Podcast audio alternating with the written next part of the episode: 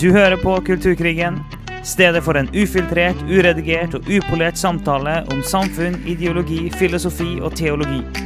En podkast av og med Steinar Lofnes og Alf Kåre Dalsbø.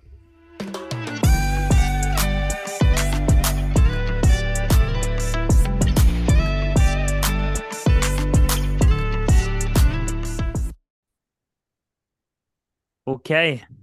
Nå eh, er vi klar for en eh, episode som eh, skal bli veldig interessant. Det, vi skal snakke om eh, ting som kanskje kan være litt vanskelig. Kanskje kan være litt vondt. Kanskje folk kan bli litt sint. Kanskje noen kan bli litt lei seg. Eh, det skal vi forsøke å navigere i i dag. Ja, og det er jo ikke et ukjent fenomen i denne podkasten. Det er jo en podkast der vi kanskje fokuserer mest på sannhet, eh, og mindre på folks opplevelser eller følelser. Um, og vi er jo skrudd sånn sammen, meg og du, at det er på en måte litt sånn lettere for oss å, å på en måte frikoble de, ting, de tingene. Um, vi har selvfølgelig òg følelser og mennesker vi er glad i, og uh, liker å tro i alle fall at vi er kjærlige både fedre og ektemenn, og, at folk rundt oss opplever oss som, som gode folk. Um, men vi, vi, opplever det at, at, det er viktig òg å kunne snakke om sannhet. Når jeg sier at vi snakker om sannhet, så mener ikke jeg å påstå at hvert eneste ord vi sier er objektivt 100 riktig. Um, men vi snakker iallfall om det vi ser som sannhet når vi opplever som sannheten.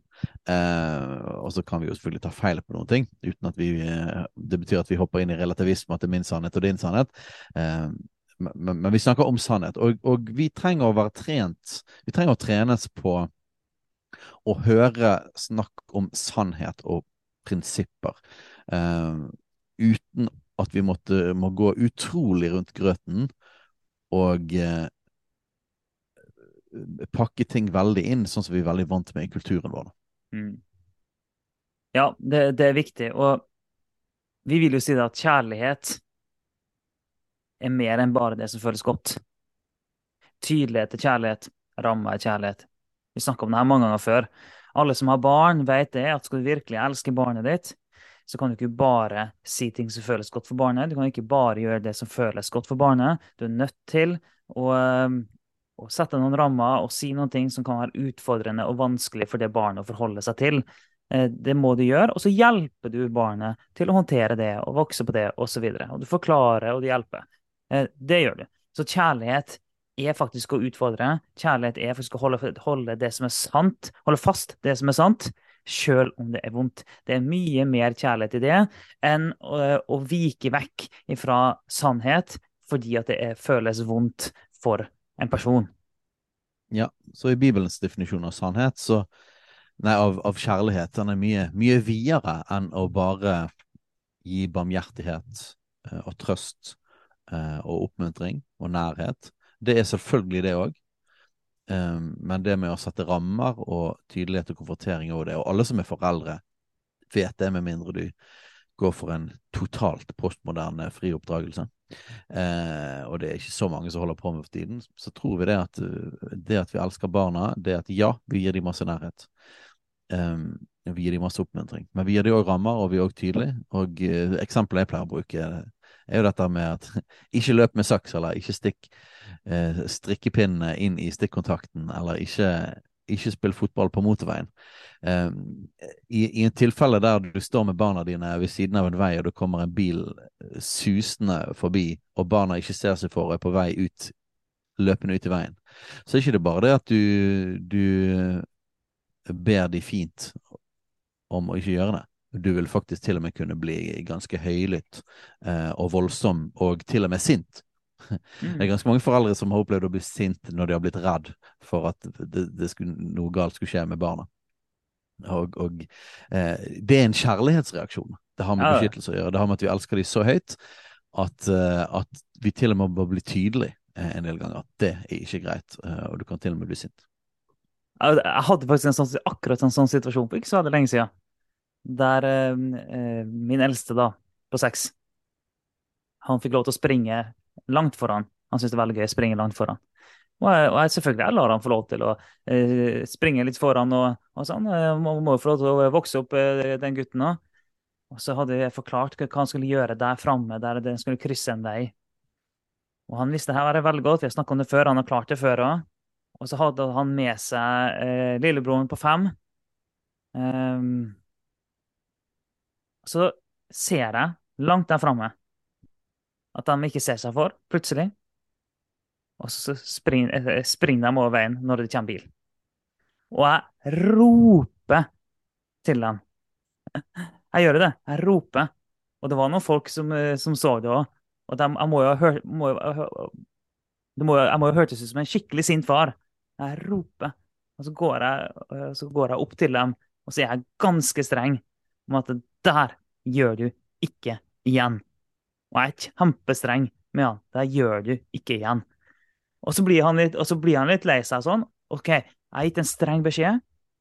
Og så bøyer jeg meg ned på kneet, ser han i øynene, jeg holder rundt han, og så bekrefter han.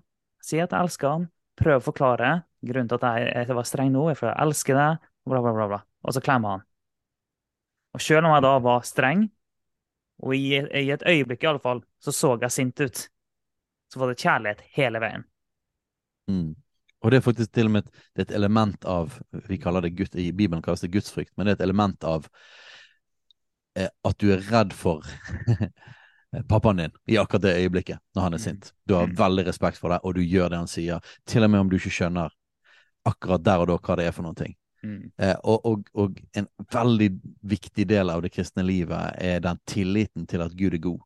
Mm. Og at, at, Gud er en god og en kjærlig far som ligger under. Som betyr at til og med når han setter grenser, til og med når det kommer dom, til og med når han snakker om rett og galt, så er det faktisk ut av kjærlighet. Og, og jeg tror det er veldig vanskelig å være en kristen om man ikke har det som et sånt fundament. Og, og for oss så er det på en måte det sentrale det aller mest sentrale i den kristne tro er korset.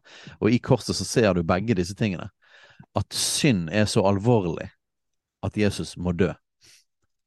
Så synd er helt uakseptabelt. For hvis, hvis, hvis, ikke det hadde vært alvorlig, så hadde ikke han trengt å dø. For å kunne ha sagt at det går greit. Men synd er så alvorlig at han må dø. Men samtidig så elsker han oss så høyt at han tar det på seg. Mm. Mm. Eh, så dette her med at Gud er både rettferdig, han er hellig, og han er nådig, han er barmhjertig. Eh, alle de tingene er en del av kjærligheten. Og, og det, er, det, er, utrolig viktig å ha det gudsbildet. Eh, og Bibelen er veldig tydelig. Og da er ikke det bare liksom Det gamle testamentet. Jesus Eh, Jesus er veldig tydelig, og han er òg fantastisk. Han forandrer menneskers liv, setter mennesker fri, helbreder, kommer med barmhjertighet, løfter de, de, de, som er nede, opp. Eh, han, han, han, ser de som ingen andre ser. Han går til de spedalske som var utstøtt. Og han er kjempetydelig. Han er kjempetydelig på etterfølgelse. Han er kjempetydelig på, på, på synd og dø for seg sjøl. Og han er kjempetydelig mot de som ikke ønsker å gå hans vei. Eh, og resten av Bibelen, er, resten av Det nye testamentet, er veldig tydelig. Eh, så, så, vi trenger å lære oss å høre om sannheten. Vi tar denne introen fordi vi vet at folk er lite vant med det. Eh, og vi trenger å sette det inn i en kontekst òg, for vi skal, vi skal, være tydelige i dag og snakke om vranglære. Vi skal det. Og, og det er sånn at menneskers smerte har en plass. Det har, altså, det har, en plass i samtalen. Og menneskers ja. følelser og smerte skal, det skal anerkjennes, eh, det skal tas på alvor. Eh, og som sagt, det har en plass. Absolutt. Det benekter vi ikke. Eh, I denne episoden så er det ikke det som har fokus. I denne episoden så vil vi holde oss mer prinsipielle, og vi vil snakke mer om lære, mer om rett og galt. Eh, men vi anerkjenner at menneskers smertefølelse har en plass. Men det vi òg eh, vil si, er at veldig ofte så er det sånn at menneskers smerte og menneskers følelser får forrang. At det kommer over, eh, og det nærmest skviser ut samtalen om hva som er rett og galt.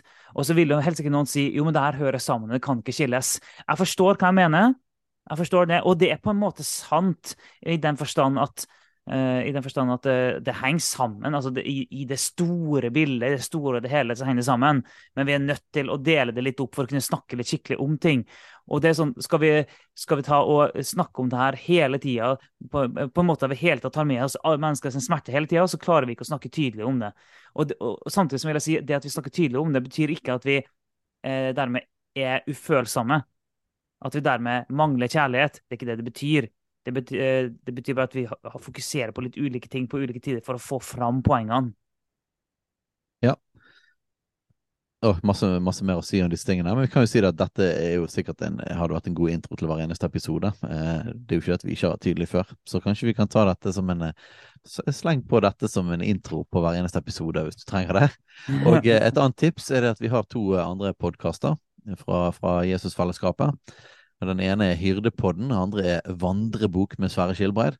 Eh, og der, eh, der, kan du få eh, hjelp med indre ting og smerter og sår og det som er utfordrende, og relasjoner. og få høre at Gud er god. Sleng på en del episoder med vandrebok eh, med Sverre Skilbreid, så, så, vil man kjenne seg bedre. Så de som syns det er utfordrende med vår sannhet, så anbefaler vi å ta, ta, ta det i sånn dose med, ta, ta, det med, ta, det med, honning, ta det med en skei med syltetøy. tar du litt, eh, litt uh, kulturkrig, og så tar du litt sånn uh, pastoral omsorg sammen med det. Ja, og så kan du jo høre, da kan du høre forkynnelsen fra søndagene våre. Det går òg an. Der snakker vi mye om Jesus. Yes. Så det, det så, Da får du en god, god balanse masse fine disclaimers. Jeg tror dette er et viktig perspektiv å forstå når vi snakker om, om tydelig om sannhet og, og, sånne ting som det. Men eh, et lite forsøk fra meg, Alf Kårda, på, på å komme folk i møte i forhold til det. Jeg, mm. vi, Får vi se om vi har lykkes. ja, vi får se det. Noen, jeg, har opplevd, jeg, har jo opplevd, at vi er jo forskjellige, vi folk, både i gaver og i personlighet. Eh, og jeg har jo opplevd folk som oppleves liksom mildere og varmere som kan si veldig utfordrende ting, og folk føler seg likevel bekreftet, sett og elsket. Og så uh, har jeg opplevd sjøl en del ganger at jeg prøver å si ting på den mildeste og kjærligste måten, og folk føler seg likevel utfordret. Mm. Uh, så, så, sånn er det vel bare. ja, det, det, og vi, vi har en erkjennelse av at vi, vi sannsynligvis oppleves tydeligere enn det vi sjøl tror. Og Ellen pleier å si det til meg i enhver setting der eh, folk har opplevd meg tydelig, at du er tydeligere enn det du tror. Jeg sier jo alltid til meg du er mye tydeligere enn det du tror. Og så sier jeg at ja, men det tror jeg ikke på. Uh, det, det, jeg, jeg, følte meg ikke tydelig i det hele tatt. Uh, så det, det, er alltid en utfordring, det der. Ja, så ikke våre følelser stemmer ikke alltid på, på det heller. Det er bare sannheten. Sannheten var at uh, Ja, OK, nå skal ikke vi grave oss ned i det, men la oss komme oss inn på temaet, da. Um, det har vært en debatt i kristen presse rundt begrepet liberal teologi. Og settingen for det er jo det som vi i forrige episode kalte en Eller jeg kalte en bølge eh, inn imot frikirkeligheten. Eh, som allerede har begynt å slå inn, og, og, vi tror kommer til å slå inn kraftig de neste årene. Um, noen kaller det liberal teologi, og eh, diskuterer hvor, hvorvidt det faktisk er det. Eh, vi mener vel at det er jo ganske underordnet om vi bruker liberal teologi eller konservativ. Um, det som er spørsmålet, er hva faktisk er innholdet i denne nye læren og nye praksisen. Uh, ja, og er si, det ja. ja. jeg skal bare si en, en kjapp ting på det med at uh, Vi er ikke så opptatt av om vi skal kalle det liberal teologi eller konservativ teologi. Vi kaller oss selv konservative. Uh, men, så Vi kan godt bruke andre ord på det, men vi må bruke ord på det. Det er det som er viktig for ja. oss. For ja. vi, vi, går ikke med på denne greia med at nei, vi skal ikke bruke ord på det. Vi, bruke, nei, vi må ikke sette merkelapper på hverandre. Men da, som jeg sa i forrige episode, da, da, mister vi et språk for å kunne snakke. Så vi må, ha, vi må, kunne ha ord å bruke. Men vi kan gjerne bruke andre ord, og vi kommer til å bruke andre ord i denne ja. episoden. Ja, og vi nevnte det i forrige episode, så vi kan jo bare si det at Bibelen bruker eh, hovedsakelig tre ord, sånn som jeg kan eh, jeg husker. Det kan jo være det flere òg. Men vranglære er et ord som blir brukt. Vrang betyr jo feil, så feil lære eller falsk lære.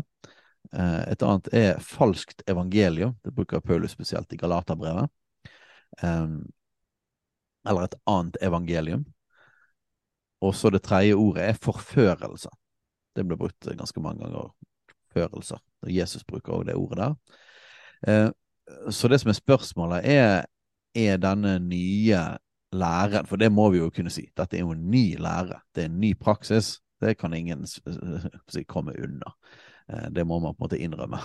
Men altså det som nå blir eh, er uttalt altså i Philadelphia, Stockholm, Sveriges største pinsemenighet, eh, men òg fra pinseteologen Terje Hegertun, som har skrevet en bok. Så dette er jo ikke noe hemmelighet. Han har jo faktisk skrevet en bok og gitt den ut. Mm. Og det har vært en debatt rundt den. Så, så dette er jo en, en, ny lære som han har kommet ut med. Eh, og, og, kanskje det siste relevante eksempelet er et dokument som Oslo misjonskirke, lederskapet i Oslo misjonskirke, eh, offentliggjorde i forhold til en vei som de ønsker å gå, da, der lederskapet har blitt enige om en ny vei i forhold til praktisering av ja, det samme ekteskap og homofilt samliv og de tingene der å gjøre. Mm. Så, så, så, det er det vi snakker om da, det er konteksten for, for det vi snakker om i forhold til vranglære, falskt evangelium og forførelse. Og spørsmålet er er det det, da? Um, ja, og uh, vi kan på en måte uh, veldig, veldig forenkla si hva er det da de, de sier. Uh, og det, er sånn Direkte klippa ut fra dokumentet til Oslo misjonskirke så står det jo at det, det her innebærer å opprettholde vårt syn på ekteskapet, og samtidig vil vi anerkjenne at et trofast homofilt forhold kan være forenlig med et liv som Jesu disippel, og heller ikke i seg sjøl til hinder for medlemskap eller tjeneste. Altså det, er, det er konklusjonen deres, og det er i praksis eh, kan du si, konklusjonen til Terje Hegertun i boka si òg. Veldig forenkla. Ja. Og eh, vi tenker at vi seinere, om vi får tid til det i denne episoden eller det blir neste, det vet vi ikke helt ennå, men, eh, men vi, vi, tenker å gå gjennom mer grundig dette dokumentet for Oslo misjonskirke. Um, men konklusjonen deres er at de ønsker å fortsette å praktisere ekteskap um, mellom mann og kvinne, og, og, og vie mann og kvinne de vil ikke vie homofile, men de vil anerkjenne en eller annen slags mellomløsning der de blir viet borgerlig. Um, og blir da på en måte at det blir på en måte et ekteskap juridisk sett. De ønsker ikke å gjøre det, men de vil at folk skal gjøre det. Og det er da rammen for det de kaller et trofast homofilt forhold. Eh, og hvis man gjør det, så ser de at det er forenlig med et liv som Jesu disippel. Altså at du lever i et seksuelt eh, parforhold, altså det er både seksuelt, men det er òg på en måte forpliktende, gjensidig forpliktende forhold med en av samme kjønn. Du er borgerlig viet. Da mener de at da kan du være en Jesu disippel, og det er heller ikke en hinder for medlemskap i menigheten eller tjeneste i menigheten, og heller ikke noen begrensning på hva si, nivå, helt fra lederskap til alle andre tjenester i menigheten. Og det, for lytterne av podkasten her så er det ingen hemmelighet at vi mener at uh, det er et klart brudd på Guds ord. Det mener vi jo helt tydelig. At Bibelen åpner ikke opp for det. Ikke på noe som helst måte. Og, eh, og Da er det selvfølgelig veldig enkelt for oss å bare si det ut. Komme med en slags påstand. Og kanskje skal vi ta en episode en gang der vi går virkelig på en måte ned i eh, materien på det. På, eh, på teologien i det. Kanskje skal vi gjøre det. Samtidig så eh, er det litt sånn Det her er det som har vært kirkens lære til all tid. Ekteskapet mellom mann og kvinne, at seksualiteten hører hjemme innenfor ekteskapet. Det har vært læren til kirken gjennom all tid. Eh, og vi kan godt eh, gå dypere inn i det på et tidspunkt, men det, sånn, det har vært læren hele tida. Ja, og det er jo ikke akkurat en veldig utydelig ting. Det snakkes ekstremt mye om ekteskap i Bibelen, ja. og det er alltid mellom mann og kvinne. Jesus bekrefter mm. eh, ekteskapet mellom mann og kvinne, siterer verset fra første Mosebok kapittel 1 eh, i forhold til at Gud skapte som mann og kvinne, og de skulle være ett, og de skulle være fruktbare og bli mange. Jesus bekrefter det verset.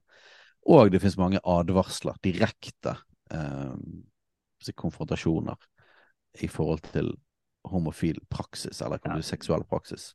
Du kan jo si det sånn at uh, Bibelen er veldig tydelig på uh, mann, kvinne, seksualitet og ekteskap. Gjennom hele Bibelen er en kjempetydelig på det.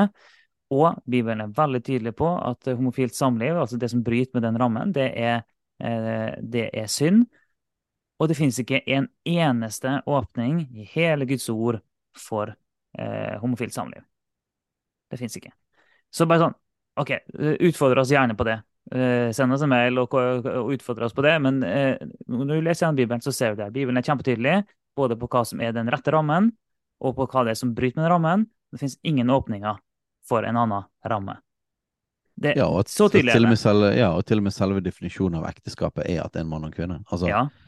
det, det ligger i hele hele forutsetningen for tanken av hva ekteskapet er. Og det er jo interessant, uten at, Ja. vi, uten at vi skal gå i Vi kan ikke gå inn i dokumentet til Oslo misjonskirke ennå, men eh, de har jo da funnet opp en ny samlivsform. Så de opererer med ekteskap, og så tro, trofast samliv, og så eh, enslig stand. Og det er jo eh, nettopp av det du sier der, da, med at ekteskapet det, De kan, kan ikke komme unna at ekteskapet er for mann og kvinne. Så har de rett og slett funnet opp en ny samlingsform for å uh, prøve å få det her til å gå i hop. Men det, det er bare et, et eksempel på det. Vi kan ikke gå inn i det, for da forsvinner det i dokumentet. Vi, er, vi er ikke klar for det ennå. Ja, men vi kan si at variasjonene i hva det synet som kommer innover Dette har jo som sagt vært i de store kirkesamfunnene og eh, Den norske kirke og sånne ting i lang tid, men, men det er relativt nytt i de aller fleste frikirkelige sammenhenger.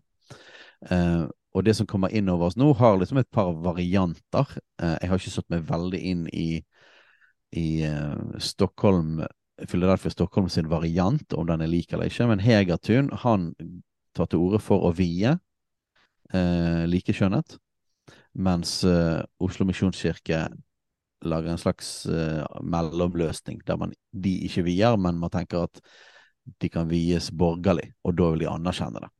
Så det er jo nok en gang, vi skal snakke mer om, mer om det, men bare for å si liksom variantene. Eh, Så, så spørsmålet er jo ikke Jeg mener jo det er en, en bomdebatt å snakke om at det er liberal teologi eller ikke. Grunnen til man diskuterer om dette er liberal teologi eller ikke, er det at det ligger et premiss under som sier at hvis det er liberal teologi, så det, kan vi ikke akseptere det. Altså, er det liberal teologi, så er det vranglære.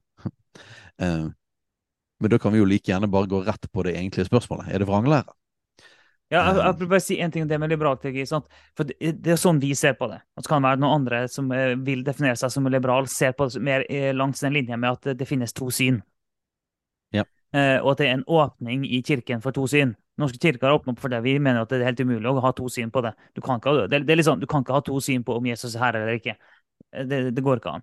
Eh, Så på en del, en del ting er så sentralt i Guds ord at du, det går ikke an å ha to syn. Da er det, da er det rett lære, feil lære. Det er det faktisk. Så eh, når vi, eh, når vi snakker om eh, liberal teologi, konservativ teologi og Så for oss er det faktisk mye enklere. Bare si eh, rett lære, feil lære. Så vi kan bare hoppe over hele den biten. Eh, men premisset som av og til ligger under, er at det er to nærmest likeverdige syn. Konservativ teologi, liberal teologi. Altså I samtalen så er det gjerne det som blir premisset. At vi bare ser ulikt på saken. Men det vil jo vi avvise. At det er ikke to syn. Det er bare ett syn. Bibelen har bare ett syn. Det fins ikke to syn. Og derfor eh, kan det være greit, egentlig, å bare ikke forholde oss så mye til konservativ eller liberal teologi. Jepp. Og så er jo spørsmålet hva er det som skal til for å kvalifisere til å være vranglære? Og det er jo et spesielt spennende spørsmål. Sant? Fordi at vi har jo nært fellesskap med mange kristne eh, og mange forskjellige sammenhenger som gjerne har et forskjellig teologi på forskjellige spørsmål. Eh, og som vi ikke er enig med i forhold til alle detaljer. Eh, et eksempel kan være dåpssyn.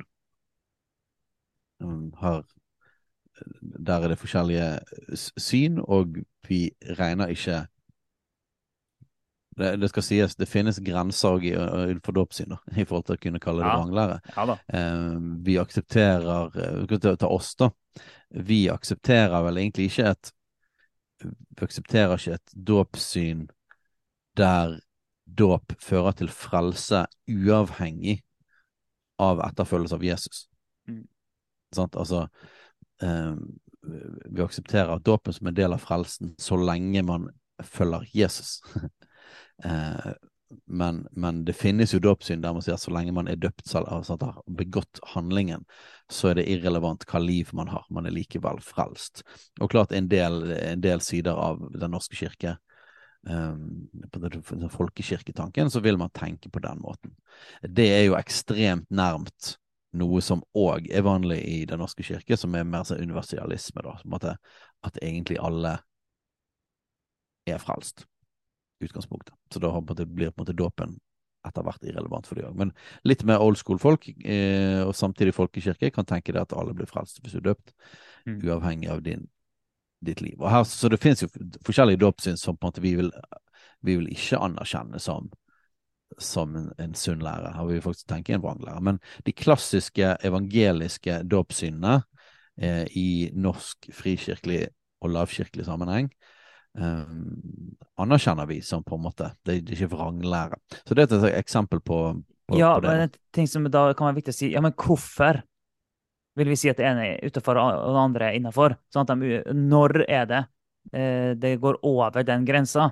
Og der kan vi si at ja, men når, det, når det handler om frelsen, Ja. når det handler om frelsen, da går det over en grense. Og når du sier ok, et dåpssyn som er sånn at eh, du bare du er døpt, så er du frelst, du trenger ikke å følge Jesus etterpå, nærmest, et sånt type dåps- dåpssyn, det vil føre folk til fortapelsen. Og da vil vi si, da har du gått over en grense. Det, Yep. Så det er når det er en del sånne spørsmål som i praksis leder folk til fortapelsen, og som praksis eh, eh, forhindrer folk å bli frelst, da har det gått over en grense. Men vi Ja. anerkjenner at det går an å se ulikt på en del ting uten at det påvirker frelsesspørsmålet. Ja, og eh, veldig bra, for det, det er det viktige. Hvordan skiller vi når du går innenfor måte, grensen vranglære og, og ikke? Og eh, hvis vi skal putte noen sånne ord inn i måte det som er på en måte den grensen, da, eh, så er det ja, som, vi kan sette som paraply over det, da, det at det handler om frelsen. Så det betyr at eh, spørsmål som, som omhandler eh, Jesus, Jesu natur, eh, Jesu døde oppstandelse, skjedde det eller skjedde det ikke? eh, eh, synd, fins synd? Er omvendelse sentralt? Etterfølgelse av Jesus, er det en sentral del eh, av frelsen? Så tro, omvendelse, etterfølgelse, synd, Jesu døde oppstandelse, soningen av synd. Disse tingene. Dette, dette er de mest sentrale delene av eh, Og så kan du si selvfølgelig Guds eksistens, Jesu natur, som var noen av de tingene som virkelig ble diskutert i oldkirken. Eh, Jesus Gud? Eh, der, der skiller vi oss da ut fra f.eks. Jehovas vitner. Mm. Um, så, så alle som bekjenner seg til at Jesus er 100% Gud, 100% menneske, sendt av Gud. Gud Fader, Gud er tre, Faderen, Sønnen og Den hellige ånd.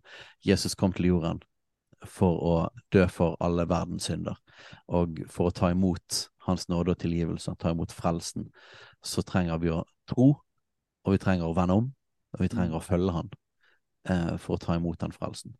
Eh, det finnes selvfølgelig flere detaljer, her tar vi det litt sånn kjapt, men, men, men det, alle spørsmål som omhandler disse tingene, eh, det skiller det vi vil kalle folk fra å være en kristen, eller å være ikke en kristen. Eh, vranglære og ikke vranglære. Da snakker vi mer om mer perifere spørsmål, som vi heller kan være uenige om, men vi er helt enige at vi kommer til å stå foran Guds trone en dag, og vi er skrevet i, lam, i livets bok, eh, uavhengig av vårt syn på eksempel nådegavene. Mm. Og det er ikke et frelsesspørsmål. Så da er jo spørsmålet, er, er dette, det med homofilt samliv, er det et frelsesspørsmål? Ja, og det der har jo vært oppe i ulike sånn debattinnlegg og sånn, og i dagen er det virkelig et frel- frelsesspørsmål. Og, eh, og en som er litt eh, profilert på akkurat den tingen nå, er jo Simon Stisen, tidligere pinspastor. Han har, har skrevet flere innlegg både i Dagen og Vårt Land, eh, og der han eh, tar til orde for å stille spørsmål ved nettopp de tingene der. da. Ja, men Er det virkelig et frelsesspørsmål? Eh, og og det vil vi si ja, helt klart. Det vil vi si. Det er helt definitivt et frelsesspørsmål. Og, Og det er litt sånn argumentet da, hvorfor i all verden er det Alf Kåre sånn? Dette handler jo bare om seksualitet, dette handler jo ikke om Jesu døde oppstandelse. Hvorfor, hvorfor, hvorfor er seksualitet et frelsesspørsmål? Mm, ja, hvorfor er det det? Og der, der vil vi si at det er ikke bare seksualitet, det, det er veldig mye mer, men enda viktigere enn det, vi må gå dypere enn det òg. For ja, vi må, skal snakke om seksualitet, men det finnes noen ting som er dypere enn det her òg. Når det gjelder frelsen, så er spørsmålet først og fremst om Jesus er herre i livet. Det er jo det, om man virkelig faktisk har gitt Ja. livet sitt til Jesus. Det er jo det det handler om.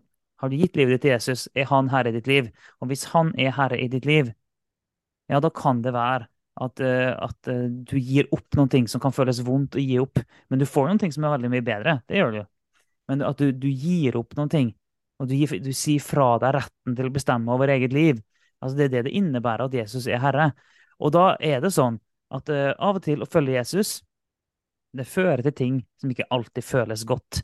Og Bibelen er full av, eh, av advarsler mot at det å følge Jesus det kan føre til forfølgelse, f.eks. For eksempel. og, og Bibelen lover oss ikke et, et, vakkert og utrolig deilig og nydelig og nytelsesfullt liv nødvendigvis. Jeg sier ikke at vi skal søke smerte, og jeg sier heller ikke at vi skal være skamfulle om å leve et godt liv. Jeg sier bare at, at løftene er, er Det er tydelig at det å følge Jesus har en kostnad.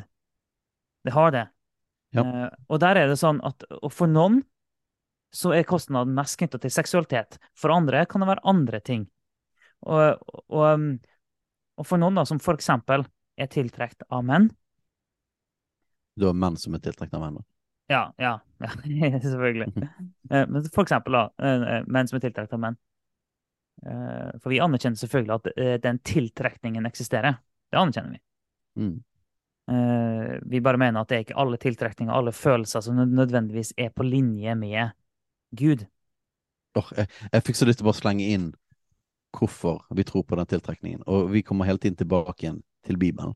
Mm. For at Bibelen bekrefter at tiltrekning finnes. I mm. Roman 1 står det at de brant i begjær etter hverandre. Ja, ja. Det betyr Bibelen anerkjenner at det var en tiltrekning. Mm. Men det ble òg sagt at det ikke var bra. Ja. Eh, men det fins. Mm. Det fins. Helt klart. Så fins det. Men ta det, da, med, med det, seksualiteten og tiltrekninga. Ok, Så for noen kan, ha, kan da ha en tiltrekning som er utafor rammene som Gud har satt for oss. Og så kan du selvfølgelig si at å, Gud er fæl, og Gud er ond, og hvordan skal han sette de rammene og sånn. Jo da, det, det, er en egen samtale, det òg. Det er det. Men likevel så er det sånn at Gud er Gud, og Jesus er vår Herre. Uavhengig av hva vi føler om akkurat det. Men det høres fryktelig hardt ut, jeg forstår det. Men, eh, men så, en kan selvfølgelig velge å gå den ruta, da. Men, men med en gang en da tenker at uh, rammene Enten at rammene er onde, så handler det om en manglende tillit til om Gud er god eller ikke. Det er en sånn grunnleggende mistillit til Gud. Ja. Uh, og hvis en tenker at det ikke skal være ramma, så blir jo livet fryktelig vanskelig da òg, for det er jo ingen som egentlig lever på den måten. Så en får fryktelig mange problemer med en gang en skal prøve å komme seg unna akkurat den der. Men, så vi tror at det har en kostnad. Og for eksempel menn som er tiltrukket av menn. Um, det er klart at, det en, at da vil det oppleves vanskelig å skulle legge det fra seg. Eller legge det fra seg. Vi mener ikke at det forsvinner, men det å velge da å ikke leve det ut. Å velge å leve med tiltrekningen uten å få det møtt og tilfredsstilt. Selvfølgelig det er en kostnad. Altså, det, vi vil ikke bagatellisere det på noe vis. Det er selvfølgelig en stor kostnad, akkurat det. Vi forstår det. Samtidig så aksepterer ikke vi premisset om at det er en sånn altoppslukende kostnad. For det finnes mange heterofile som går gjennom vanskelige ting, som går gjennom enda vanskeligere ting enn det der òg. Så det er sånn alle mennesker går gjennom vanskelige ting. Alle mennesker må legge av seg ting alle mennesker må, må, må styre seg. Alle mennesker eh, Altså, det, det, er ikke noe særskilt for homofile. Det er det ikke. Også, vi, la oss bare gi en liste over typiske, bare sånne, bare for å sette det inn. Fordi at vi Det fins et premiss her som sier det at seksualitet i seg sjøl og seksuell identitet, det er det mest sentrale spørsmålet som fins. Det var akkurat dit jeg var på, nemlig. Akkurat det. Og, og, og, at det er det viktigste å få tilfredsstilt for å ha et godt liv. Og hvis man ikke får det, så får man et grusomt liv. Altså, det er liksom nummer én-spørsmålet. Det er ikke en bibelsk tanke. Det, det, det, du finner ikke det som at det premisset kan vi rett og slett ikke akseptere. Altså Det premisset det eh, har han egentlig fått fra Freud. Det premisset. Ja. Om at, om at alt handler om seksualitet, og at lykken finnes gjennom seksuell tilfredsstillelse. Eh, det er ikke et bibelsk konsept. Og det er mye mer moderne enn en tror. En tror i dag at sånn har vi alltid tenkt. Det har vi faktisk ikke. Seksualiteten er ikke den vi er. Seksualiteten er ikke altoppslukende for den vi er. Det er en viktig del av oss. Det anerkjenner vi. Selvfølgelig. Og, det, og seksualiteten Vi har fått en seksualitet av Gud. Mener, og, og, her, da Her kommer jeg inn på det med legning. Vi tror ikke på legning. legning. Og det er jo nettopp fordi at vi tror ikke at Gud har gitt en legning. Vi tror at Gud har gitt en seksualitet som kan ha blitt skada. Og så kan du få masse ulike uttrykk og følelser av tiltrekninger, som er både innenfor og utenfor Guds eh, gode rammer for, for, våre liv. Det tror vi på. Men vi tror ikke at Gud har gitt oss en legning og dermed er vi skapt homofile eller heterofile eller bifile eller et eller annet sånt. Nei. Og oh, det er så mange bra For her snakker vi om premissene, og, disse premissene snakker man veldig sjelden om når man går inn i den diskusjonen. For det at akkurat som man tar for gitt at vi har like premisser. Men disse premissene er faktisk det som veldig egentlig avgjør hvor du lander. Mm. Eh, så dette er faktisk Man må snakke om disse tingene her. Um, og vi aksepterer altså ikke premisser. Vi, og, og, og, sånn som vi ser Guds ord, så er ikke det et bibelsk premiss at seksualiteten er det viktigste for vår lykke. Mm. Um, det finnes en hel haug med andre ting som blir som blir um, som er mye mer fokusert på i Bibelen i forhold til hvordan vi har det. Uh, og, og, det er faktisk et viktig premiss for det å være en disippel av Jesus, en, en, en kristen, er at vi legger ned alt i vårt liv som vi mener vi har behov for å få fylt. Og så bøyer vi oss for han, og så lar vi han være sentrum. Eh, og så lar vi han lede oss. Og så tror vi at han er god fordi han har skapt oss. Um, og at de rammene han har gitt, det er det faktisk det beste livet for oss. Og da, det beste livet vil bety ikke nødvendigvis det som umiddelbart engang gir oss glede og tilfredsstillelse. Akkurat som et barn som mener at det aller beste i livet det vil være å få en is når vi, akkurat når vi skal gå ut av butikken. eh, mens foreldre må ha et større perspektiv for hva som er bra for barna, mm. enn akkurat hva som er den umiddelbare, det de ønsker. Mm. Og vi tror det at Gud er en sånn far, og at han vet hva som egentlig er best for oss eh, i lengden. Og det finnes masse andre ting som Bibelen fremhever som mye viktigere ting for et godt liv. Um, og, og, en av de store premissene er rett og slett at vi må legge ned det vi mener er liksom våre behov og det som er viktigst for oss. Og, og vi prøver å leve på denne måten, ved Guds nåde. Eh, og om vi feiler, så, så ydmyker vi oss for Gud, og vi ber om eh, Hans nåde og tilgivelse.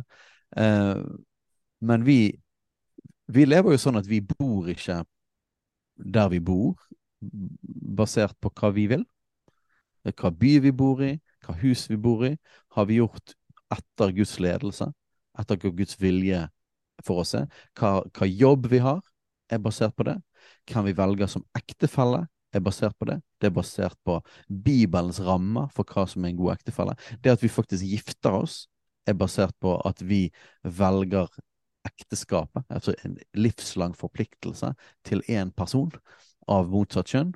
Eh, som deler våre verdier, som vil følge Jesus, sånn at vår familie kan følge Jesus. Eh, det er det vi har lagt livet vårt ned på. Derfor har vi valgt å ikke ha sex før ekteskapet. Vi har valgt å ikke bo sammen før vi giftet oss. Eh, dette er grunnen til at vi ikke lyger, selv om vi, selv om vi kunne ha fordelene. det. Er grunnen til at vi ikke snyter på skatten, selv om vi skulle ha et god økonomi. Det er grunnen til at vi gir tiende, ti prosent av all vår inntekt på tross av om vi har lite penger. Eh, det er grunnen til at om noen um, er stygge med oss, så velger vi å velsigne dem. Og om vi, om vi skulle uh, plutselig bli sint på noen eller gjøre noe, gjøre noe galt, så vender vi om fra det. Så bekjenner vi det for Gud. Og så går vi videre og lever på en annen måte. Eh, dette, dette, bestemmer basically alt. Vi kunne kommet med lange lange rekker av historier av hvordan dette har sett ut for våre liv, der vi har valgt det som faktisk har vært mest smertefullt. Mm. Eh, fordi at Jesus er vår Herre, og fordi at vi tror at det er det beste for oss. Og til og med vi snakker Bibelen om at dette er motstand mot synd inntil døden. Ja. Eh, og, og det blir snakket om forfølgelse. Eh, og hvordan eh, liksom, Ultimate eksempel er når eh, f.eks. Eh, Peter og Johannes blir slått eh, og mishandlet eh, for Jesus skyld, og så ser jeg at de gleder seg over å mm. bli aktet verdig mm. eh, av å ha blitt mishandlet for Kristi skyld.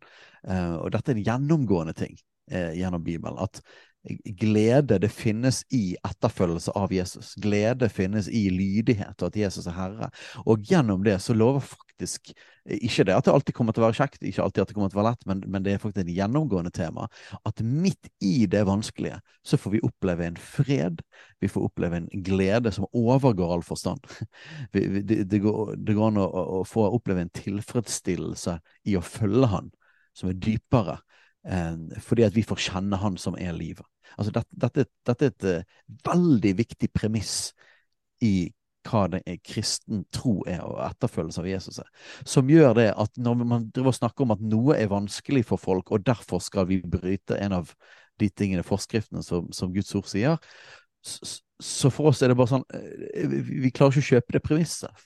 Fordi at dette er jo evangeliet, er jo at vi legger ned disse tingene. Ja, og det, det, er så sentralt det her med at Jesus er Herre, og Gud er en god far. Så Jesus er Herre. Altså at når Han er faktisk sjefen i vårt liv, og det, det har med frelsen å gjøre. Altså at vi det er så, Du kan velge å ikke bli frelst og ikke ha Jesus som herre. Det kan du velge. Men hvis du faktisk ønsker å bli frelst, så må Jesus være herre i livet. Du må gi opp alt for å få alt. Eh, det, det, det er sånn du blir frelst. Så at Jesus er herre er helt sentralt i frelsen. Og så, så, og så lever livene våre med en sånn grunnleggende tillit til at Gud er en god far. Han er en god far. OK. Når vi har begge de to tingene der, da Han er herre i vårt liv, og han er god. Han er en god herre. Ok, da forst, eh, ting, Til og med ting vi ikke forstår, ting som kan føles vondt i øyeblikket. Nei, men han er god. Han er sjef, og han er god. Og igjen så kommer vi tilbake til det med barn. Det, er bare sånn, det, det, beste bildet. Når jeg, eh, når, eh, når, jeg, når jeg sier noe til mine barn som de ikke forstår, og som de syns er kjipt Ja, de kan protestere, men så aksepterer de det. Og hvorfor aksepterer de det? Fordi de har tillit til meg. Og de vet at jeg er sjefen. De protesterer bitte litt, så stopper de. De vet at jeg er sjefen, og de vet at jeg elsker dem, og de har tillit. De har en dyp tillit til at jeg er en god far. Og Derfor aksepterer jeg det, selv om jeg skulle ønske at det ikke var sånn. Ok, Det er jo en ting da, det med at, okay, det, når det gjelder følelsene våre. Og så tror vi at det, det, det, kan forandre seg, og at etter hvert så forstår en mer hvordan ting er, og sånn, og at en kanskje ikke føler det på den måten lenger. Det kan være. Men så vil jeg også si da, at eh, vi har hørt mange historier vi, på menn som er tiltrukket av menn, men som velger å leve i sølibat og velger å følge Jesus og oppleve det godt. De sier at de fortsatt er tiltrukket av menn. Det, Den, den sida av dem er ikke borte, men de opplever det likevel som godt å følge Jesus. Eh, jeg hørte nylig, bare forrige uke, en som sa at det var en glede for han, og det var, et, det var en liten kostnad for han å leve singel resten av livet eh, mot det å bli, bli, frelst og få lov å leve med Jesus. Det var en liten kostnad. For det, frelsen og Jesus er så mye, mye større. Så det er ikke sant, det bildet som av og til settes fram om at å, vi dømmer homofile til et forferdelig liv i enslig stand. Det er ikke riktig. Det er en grov undervurdering av frelsen, av livet med Gud. Og det er en grov overvurdering av seksualitetens betydning. Ja, og Paulus sier jo det sånn, sant? som la ned sitt liv, absolutt alt i sitt liv. Og sa at jeg regner alt som skrap. Han kom lagde en liste over alt han hadde, eh, all posisjon og alt han hadde før han møtte Jesus. Og så han regnet det alt som, som skrap eh, imot å kjenne Jesus. Eh, og fordi at han er livet. Eh, og, og, ja, dette er et så viktig premiss. Vi tror, og vi kunne kommet med så mange eksempler. Du, dere har eh, nummer fire barn på vei. Eh, hvorfor det? Fordi det er, det, er, det norsk kultur og for mange barn? Nei, slettes ikke. Nei, det er fordi at dere opplever at det er riktig. At, at Gud faktisk vil at dere skal ha flere barn. Nå, nå gjorde du det offentlig for, for alle. Det er det, nei, nei, nei, nei, nei, nei, nei, det er offentlig. Det er offentlig. Men, men, vi har ikke sagt det på podkasten før. Det var egentlig det jeg mente. Nei, det, er sant, ja. det, er offentlig, offentlig ute i familie og venner og sånn sett. Det er det. Men ja, nå, nå ble det offentlig på podkasten òg at vi får vårt fjerde barn i sommer. ja, og vi har handlet på det. Og, og, og, og, det er ikke det at det ikke har vært utfordrende å ha små barn, og at ikke det er tøft for dere. Men vi tror på alt, vi tror hele tiden på noe dypere. Ja, ja. At, uh, at, at det, de rammene Gud har sagt, det han har sagt, det er det gode. Og i sum så er det det beste, selv om det kan være knalltøft. Mm. Uh, ja, Vi har snakket masse om dette, her, vi kunne snakket jo, om det i timevis. Men, men, men, men, det men, det er så grunnleggende, for det handler jo om at uh, i dag så blir det at det er vanskelig, det at det er smertefullt, det får en så enorm tyngde i samtalen. En tyngde det bare ikke skal ha. Det skal anerkjennes. Følelser skal møtes. Vi er helt enig i det. Men det, det, det skal faktisk ikke ha avgjørende betydning. Og det er ikke et argument i seg sjøl at noen ting er vondt og vanskelig. Det er faktisk ikke et argument, det er en følelse. Det er to helt forskjellige ting. Det betyr ikke at det ikke har en relevans, det betyr ikke at det ikke har en tyngde, men det betyr bare at det er ikke det som er det avgjørende. Det kan aldri være det avgjørende. Og aksepterer vi at det skal være avgjørende at noe er vondt og vanskelig, så aksepterer vi premisset om at det er følelsene som bestemmer, og det kan vi ikke akseptere. Jepp. Jeg er korsfestet med Kristus og det livet jeg nå lever, lever jeg troen på halv som Om jeg husker det rett, ga seg selv for meg, elsket meg, ga seg selv for meg. Mm. Eh, jeg er korsfestet med Kristus. Det livet jeg nå lever, det lever jeg ikke lenger sjøl. Det er en sentral kristen sannhet. Mm. Jeg er korsfestet sammen med Jesus. Det er ikke mitt liv lenger. Og vi trodde at livet med Jesus og i Jesus, det er livet med stor L. Og når det kommer til alle mulige spørsmål, inklusiv seksualitet, in, inklusiv det som har med homofili å gjøre, så handler det om å, å, å legge, ned, legge sitt liv ned for Jesus og bli korsfestet med han. Og det, det, er måten man blir frelst på. Det er sånn mm. vi blir frelst. Mm. Eh, og så får vi ta imot hans godhet, hans nåde, hans tilgivelse. Eh, og så får vi erfare det at han er livet. Og så er dette en kontinuerlig reise eh, av å følge og legge ned livet. Og jeg kan ærlig si, det er så mange ganger Gud har kalt meg til å gjøre noe som har vært motsatt av det jeg har villet, og ting som har vært utrolig tøft. Men alle som har fulgt Jesus en stund, kan, kan vitne om i ettertid og si vet du hva, han hadde rett. Mm. Han hadde rett. Jeg ville stikke av. Jeg ville gjøre som Jonah. Jeg ville stikke av og gå en annen vei. Mm. Men, men, men takk Gud for at han noen ganger var veldig tydelig med meg. Mm. Formante meg eh, dro på meg, løpte etter meg, fikk, fikk, meg med. For at jeg vet at det han ville med livet mitt, eh, det var det beste. Hans vilje er god. Han vet best. Han er min pappa. Eh, så dette premisset er så utrolig viktig når vi snakker om, om dette spørsmålet. Ja, det er det. Og igjen, vi vet at det her er vanskelig for noen. Vi vet det. Og vi anerkjenner at det er vanskelig, men vi anerkjenner ikke at det er så vanskelig. holdt på å si. Det, det høres utrolig vondt ut når jeg sier det på den måten. Vi anerkjenner at det er vanskelig, men vi anerkjenner ikke at uh, den smerten At det er en unik situasjon som ja, skiller seg for absolutt alle andre ting nettopp, og alle andre mennesker. At det trumfer alle andre sine vanskelige ting òg. Og at det er helt unikt, og at det skulle være ekstra uh, ille og sånn. Nei, vet du hva, det, det, går vi faktisk ikke med på. Og, det, og, vi utfordrer de underliggende premissene for det. Det er det vi gjør når vi snakker sånn som vi snakker nå. Vi går faktisk ikke med på det. Og, um, og så kan noen liksom tenke at det, at det, er så hardt fra Guds side og sånn. Men igjen, det handler om forståelsen av hvem Gud er. Det handler om uh, en tillit til Han. Og han har skapt verden på en spesifikk måte. Han har skapt oss i sitt eget bilde. Han har skapt oss i sitt bilde. Og hvis vi avviker fra det bildet, så er det klart at vi går utenfor noen rammer. Og det er ikke opp til oss å definere det her. Vi må være lydige. Vi må legge oss under. Vi må underordne oss. Og så kan vi gjøre det i tillit til at han er god. Altså, vi, jeg, vet at vi gjentar oss, men vi kommer tilbake til det. Det, er så fundamentalt uh, å holde fast på det her nettopp for å unngå det at bare fordi en ikke forstår, eller bare fordi ting er vanskelig. Uh, ja. Ja. Og uh, la oss gå tilbake igjen, da. For nå gikk vi inn i disse premissene, og det, og det var viktig at vi snakket om. for å spole litt tilbake igjen til da. Hvorfor, hva, hvorfor er dette spørsmålet å gå over grensen til det vi vil kalle vranglære? Og et falskt evangelium. Ja, ja, vi må si litt om det. Og eh, så, så, så dette premisset som vi snakket om nå, det ligger, det ligger jo under. Hvordan blir man frelst? Jesus mm. som Herre. Vi tror at Gud er god. Um, og grunnen til at, til at, dette spørsmålet, som kalles populært sett homofilispørsmålet, det å finne en annen variant av der vi anerkjenner at du kan være en Jesu disippel og leve i et homofilt forhold eh, Vi sa det at hvis det skal kvalifisere som vranglærer, så må det gå inn på frelsen. Hvorfor går dette inn på frelsen? Jo, sånn går det inn på frelsen. For å bli frelst så må vi erkjenne vår synd.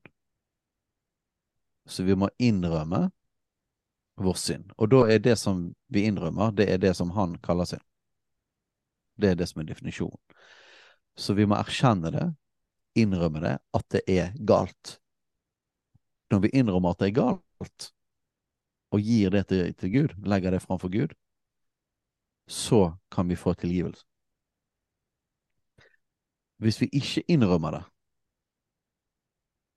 hvis vi ikke mener det er galt, så vil vi heller ikke be om tilgivelse for det, og vi vil ikke få tilgivelse. Du kan ikke bli frelst uten at din synd er tilgitt. Det er et sentralt frelsesspørsmål. Vi snakket om dette med Jesus som herre og etterfølgelse. Det er en av de viktige elementene av frelsen.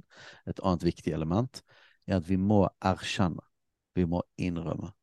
Og når vi erkjenner, så er det altså Det er ikke hva jeg føler er galt, det er hva han sier er galt. Det er det vi erkjenner. Så jeg innrømmer Gud at dette er rammene for rett og galt. Og jeg innrømmer at jeg har brutt det, og eh, at loven sier det at ved loven kommer erkjennelse av synd. Altså det, det, som Bibelen sier rett og galt, det er det som gjør at jeg forstår hva som er rett og galt. Og at Bibelen sier det at alle har syndet og står uten ære for Gud. Så jeg innrømmer at jeg trenger det. Og akkurat det du sier der, er så uh, viktig. Vi har nevnt det før òg, men uten synd så trengs ingen frelse. Så forståelsen av synd er helt avgjørende for frelsen. Ok. Og uten synd hadde Jesus trengt å komme, men fordi Jesus kom, så betyr det at da var det synd òg. Så synd er en reell ting. Men, og dermed, men også uten erkjennelse av synd, så fins det heller ingen frelse. Så all lære, enten som tar vekk synd, er et problem, og all lære som lurer folk til at de ikke trenger å bekjenne sin synd, det vil si, kanskje de trenger å bekjenne noen ting, men ikke annet. Altså når en forkludrer hva det er som er synd og ikke synd, så sier en at det er visse ting en ikke trenger å vende seg om fra. Og da, det en da i praksis gjør, er at en lurer folk til fortapelsen. Derfor sier vi at det er alvorlig. Derfor sier vi at det er vranglære. Ja. Det handler om frelsen. Så viktig er det. Det handler om frelsen. Og øh, det er egentlig ganske simpelt. En lærer som kaller noe Bibelen kaller synd, og kaller det for ikke synd, vil gjøre at folk går fortapt. Um, og en sånn lære er da kjempealvorlig. Mm. Det er per definisjon en vrang lære. Et falskt evangelium. Um, jeg kan jo lese et bibelvers, da. Første Timoteus 1, 8-11. Vi vet jo at loven er god dersom en bruker den på lovlig vis. Jeg kan bare sette inn der at Paulus skriver òg i, i Romerne 3 altså om at ved loven kommer erkjennelse av synd. Så hensikten med loven er at vi skal innrømme vår synd. Og hvorfor skal vi innrømme vår synd? Jo, for at vi skal komme til Jesus for fortlivelse. Vi skal, at vi, at vi, vi skal skjønne at vi trenger frelse. Eh, så dette med erkjennelse av synd, at lovens funksjon, altså rett og galt, hva som er rett og galt, er helt, er helt essensielt for frelsen. Så, så, her sier Paulus vi vet at loven er god dersom man bruker den på lovlig vis. Så hva er, hva er lovlig vis? Eh, ikke at vi blir frelst gjennom å holde loven, men at vi gjennom loven innrømmer at vi har syndet, sånn at vi kan få tilgivelse. Eh, det er hensikten med loven. Og så står det videre da, en må vite dette, at loven ikke er gitt for den rettferdige, men for den lovlys, lovløse og ulydige. Altså, loven er gitt for å konfrontere folk med synd. De som ikke kjenner Jesus, de som ikke følger ham. Eh, men den er gitt for lovløse og ulydige, ugudelige og syndere, vanhellige og urene, fadermordere og modermordere, drapsmenn, horkarer, menn som ligger med menn. Loven er gitt for menn som ligger med menn. Her står du helt uavhengig av hva forhold du er i. Om du, om mm. du, er, om du har fått, uh, fått, en juridisk godkjent ekteskap uh, under norsk lov, eller om til og med en kirke har viet deg. Altså, det er så enkelt og greit. Menn som ligger med menn. Sammen med mange andre ting. Menneskerøvere, løgnere, mededere, og hva det ellers kan være som strider mot den sunne lære. Mm. Så forkynner du at dette er greit, så strider det mot den sunne lære. Mm. Da forkynner du noe som Bibelen kaller vrang lære, Mm. falsk lære. Mm. Eh, og du forkynner frelse gjennom at du kan leve i synd. Mm. På dette området. Så vil jeg si, ja, men vi sier ikke det på alle områdene, men på dette området sier man det. Og, og, og hvis du forkynner at du kan bli frelst gjennom å leve i synd, så er det et falskt evangelium. Mm. Så Samme hva du kaller, om du kaller det liberal teologi eller konservativ teologi, det er et falskt evangelium. Og det er det, det, er det avgjørende. Eh, og hvis du forkynner et falskt evangelium, da er du jo en forfører. Og en vranglærer. Og, eh, og det har vi flere vers på. Titus Mm. 3.10 for eksempel. Da står det at et menneske som farer med vranglære, skal du vise fra deg etter du har formant dem en gang, og en gang til. Du skal rett og slett avvise dem. Eh, Jesus, for, for de som tenker at eh, vi trenger ikke holde oss til Paulus fordi han er så streng, men, men Jesus, han, han, eh, han er god, så han kan vi følge. Så kan vi si at Jesus han sa det sånn, Lukas 17, 1-3. Han sa til disiplene sine det er ikke til å unngå at forførelser kommer, men ved den som de kommer fra. Det var bedre for han om det var hengt en kvernstein om halsen hans og han ble kastet i havet, enn at han skulle forføre en av disse små. Mm. Ta dere i vare. Om din bror synder, så tal ham til rette. Dersom han angrer, så tilgi han. Så om noen synder, noen forfører, så konfronter de. Og hvis han angrer, så tilgi det. Så står det flere andre ganger at hvis, du ikke, hvis de ikke gjør det, så skal du støte de fra det. Og de blir Mm. advart mot. Um, tar et vers til mens jeg er i flowen her. 2. Peter 2,1. Men det sto også fram falske profeter i folket. Slik skal det også blant dere komme falske lærere, slike som lurer inn vranglære som fører til fortapelse. Ja. De fornekter den Herre som kjøpte dem, og de fører over seg selv en brå fortapelse. Mm. Det står jo eh, sterkt på egne ben av versene der. Og det er jo nettopp det som eh, ulike verser du har lest opp det, Kan du også si, da, det her med hva er konsekvensen av vranglære og folk som ikke vil omvende seg, og utstøtelse av menigheten og den tingen der, og det er jo en interessant ting å snakke om. Jeg tror ikke vi, har, vi skal gå inn i den biten akkurat nå. Det er Men Det er et viktig spørsmål. Mm. Det er et veldig, veldig viktig spørsmål. De praktiske konsekvensene av, eh, av vranglære og, og ikke vil omvende seg og sånn. Men det du sier der, da, er sånn som det er fra Lukas eh, 17, eller hva, hva du sa, men det med Jesus eh, Det er veldig tydelige ord om at eh, å lede noen til fall, altså å lede noen bort fra frelsen Han bruker ekstremt tydelige ord på det. Det er bedre om den kvernsteinen er hengt rundt halsen og kasta i havet. Altså, det er, helt- det er jo helt utrolige ord som blir brukt om den som leder folk til fall. Den som leder folk vekk ifra frelsen. Og vi kan ikke ta det noe mindre alvorlig når, når vi mener at det, det, finner, det kommer inn en lære som faktisk leder folk vekk fra frelsen. Og så vil ikke vi si at eh, så går ikke vi rundt og sier at alle som mener det her, er, er mm, demoniske forførere eller et eller annet sånt. Det er ikke det vi sier. Vi sier vi, det, eh, og veldig mange har ikke egentlig et veldig bevisst forhold til, til den læren her, det skal sies. Men vi sier det at denne læren her er et klart og dramatisk brudd med Guds ord. Og den fører faktisk til fortapelsen. Og det har en del konsekvenser, og det må vi tørre å si.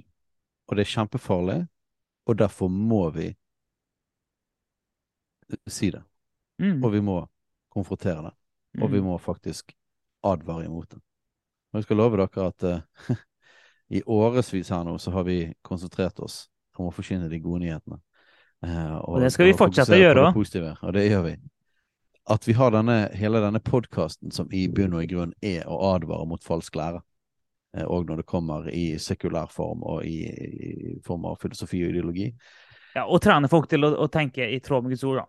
Og absolutt. Men det er jo i konteksten av at vi må lære å kjenne igjen. Ja. denne falske læren. Vi hadde ikke trengt å bruke tid på det hvis det ikke var innflytelse av farlig ideologi og vranglære eh, inn i Guds folk. Eh, og som sagt, vi vil heller Vi bruker vår meste av vår tid, og vi vil fortsatt gjøre det på å heller å, å gjøre det Jesus ba oss om, hovedsakelig, og spre ut evangeliet. Disipler og mennesker. Mm. Um, men klart det at det er òg en, en, forpliktelse for kristne ledere, og det er en del av det um, Bibelen òg formaner kristne ledere til, at de må konfrontere vranglære. Um, og en stor del av, av jobben. Eh, mm. Både Peter gjorde det, og Paulus gjorde det, og Timoteus ble sendt til å gjøre det. og Jesus sjøl gjorde det, stadig vekk. Han konfronterte vranglære, han konfronterte fariseerne og de skriftlærerne. Eh, han konfronterte sadukeerne. Eh, mm. Han, han, han, hadde en lang tale om 'dere har hørt det sagt, jeg sier dere'. Ja. Eh, han rettet opp læren. Eh, så dette er en del av, av, av evangeliet. Å tydeliggjøre falske evangelier. Ja. Vi har ikke lyst til å bli satt i på en måte vranglærejegerboksen og, og, og være den som bare skal peke på synd.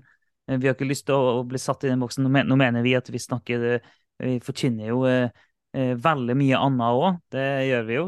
Men, eh, men, samtidig, til og med når vi leser Jesus, så at Jesus konfronterte. Jesus var tydelig. Og det er en bit av bildet, og tar du det vekk, så blir det skjevt. Så som pastorer så har vi ikke noe annet valg. Vi må forkynne hele greia. Og vi, skal, vi, skal, fokusere på Jesus og på korset og evangeliet, men en konsekvens av det er jo at når det da er noe som tar det fokuset vekk, så må vi korrigere det. Jepp. Så å innrømme vår synd er ekstremt viktig for å kunne få nåde og tilgivelse. Mm. Om vi ikke erkjenner, vil vi heller ikke få tilgivelse. Det vil si at vi ikke er frelst. Mm. Forkynner du noe annet enn det, og forkynner du at noe Bibelen kaller galt, at det er greit, så forkynner du et falskt evangelium. Ja. Og eh, Paulus sa det jo så vakkert i Galaterbrevet, om så en engel skulle komme og forkynne et annet evangelium, han være forbannet. Så, så det er alvorlige um, advarsler i forhold til falsk lære. Og nå snakker vi om ting som går rett inn på frelsesspørsmålet. Derfor må vi advare mot det. Og da, la oss ta det spørsmålet eh, og kirkesplittene er dette kirkesplittene? Det, dette er et begrep som blir ja. Eh, brukt en del, spesielt blir brukt i Den norske kirke når, når, uh, når, debatten rundt disse tingene har vært. Den debatten er jo for så vidt ganske over i Den norske kirke. Eh, vranglæren har vunnet. Um, det overveldende flertallet av uh, biskoper um, står for dette synet. Um, og står for vielse av folk av samme kjønn, og at en sånn praksis og livsstil ikke gjør at du går fortapt. Så, så, denne saken er vunnet. Så er det jo uh, noen siste mohikanere og den siste rest i Den norske kirke av fantastiske folk som tror på Guds ord og kjemper for det. Men som en institusjon så, så er på en måte den saken allerede vunnet. Men en av de store spørsmålene tidligere var dette når man kom fram til f.eks. bispekollegiet var ca. sånn delt i to eller noe sånt en periode. Nå er det ikke det lenger. Eh, da var på en måte det store spørsmålet ok, vi tror at dette ikke er greit, var det noen som sa. De ble kalt de konservative. Og så var det noen som, som mente at nei, dette er greit. Ok, Så ble spørsmålet er da dette at vi har to forskjellige syn, som du var inne på, Alf Kåre, er det kirkesplittende? Kan vi leve med Eh, at dere forkynner dette, og vi forkynner dette. Dere praktiserer det, vi praktiserer det. Kan vi leve med disse to synene innenfor kirken? Og dette spørsmålet Vi vet jo nå hva som har skjedd i Den norske kirke, som et godt eksempel for hva som kommer til å skje i frikirkeligheten òg, hvis man ikke setter en grense. Um, men nå kommer jo dette spørsmålet inn i frikirkeligheten. Er dette kirkesplittende?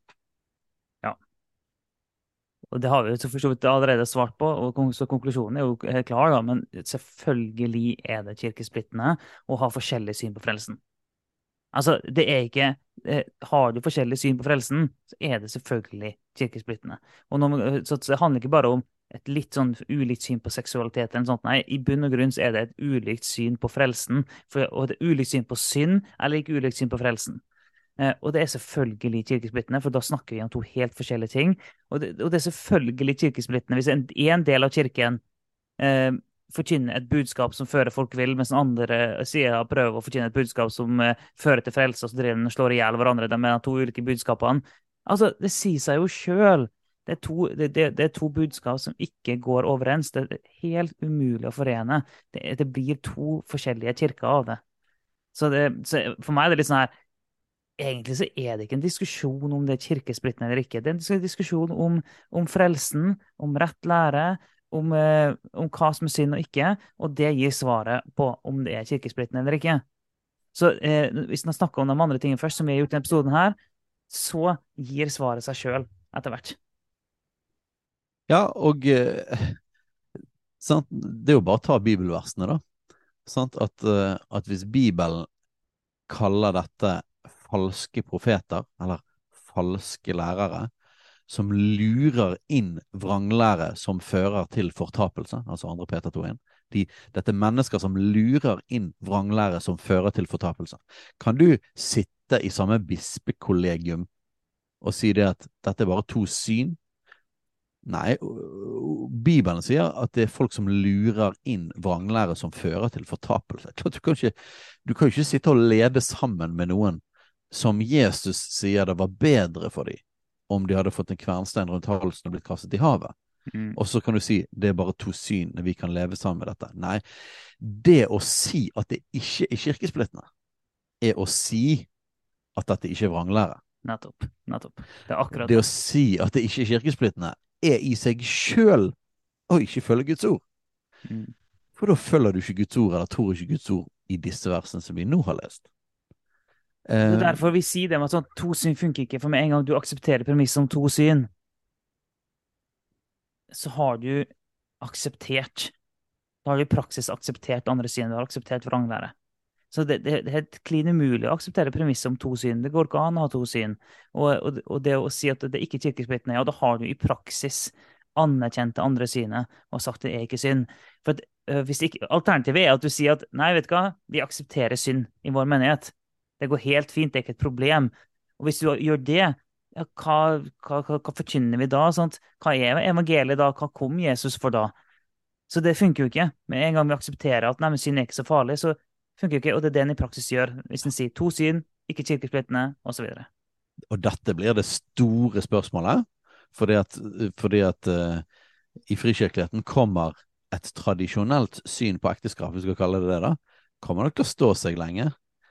Eh, det kommer nok til å ta sin tid før, før man begynner å vie eh, homofile, f.eks., i de fleste eh, frikirkelige sammenhenger. Det som allerede har skjedd, og det som kommer til å skje de neste årene, det er det at vi kommer til å bli stilt på valget. Hva gjør vi med de som tror, tror noe annet? Mm. Hva gjør vi med de som forkynner noe annet? Hva gjør vi med de som praktiserer noe annet? Mm. Hva gjør vi med enkeltmenigheter som går for en annen linje, men er en del av det samme kirkesamfunnet? Hva gjør vi med enkelte ledere, forkynnere, som forkynner dette her, da? Et annet evangelium. Eh, får de lov til å komme og forkynne hos oss? Kan vi være i samme sammenheng som de? Hva, hva med enhet uh, i, mellom ledere og kirkesamfunn og menigheter? Kan vi ha fellesskap med menigheter der de forkynner dette? Ehm, eh, og, og Titus 3.10, et menneske som farer med vranglære skal du vise fra deg. Uh, og det er mange flere vers på disse tingene her. Uh, den, den, konsekvente linjen i Det nye testamentet er hvis det er noen som forkynner noe som ikke bare er annerledes, eller litt sånn, eller sånn, men det er noe som kvalifiserer til å være vranglære, et falskt evangelium, gå inn på kjernen. Hvis de forkynner noe annet, så skal du bryte med dem, og du skal advare mot dem. Uh, så det betyr at vi kan snakke for vår egen del. Ingen, i, ingen kan være i Jesusfellesskapet og være en leder i Jesusfellesskapet og forkynne og forkynne noe annet enn det. Mm. Eh, hadde noen begynt med det, så hadde de eh, blitt formant, og enten så hadde de vendt om, og de hadde blitt tilgitt, og vi hadde fortsatt. Hvis de ikke hadde villet det, så hadde de blitt sagt at du kan ikke være leder her. Du kan ikke forkynne, du kan faktisk ikke være i menigheten her engang.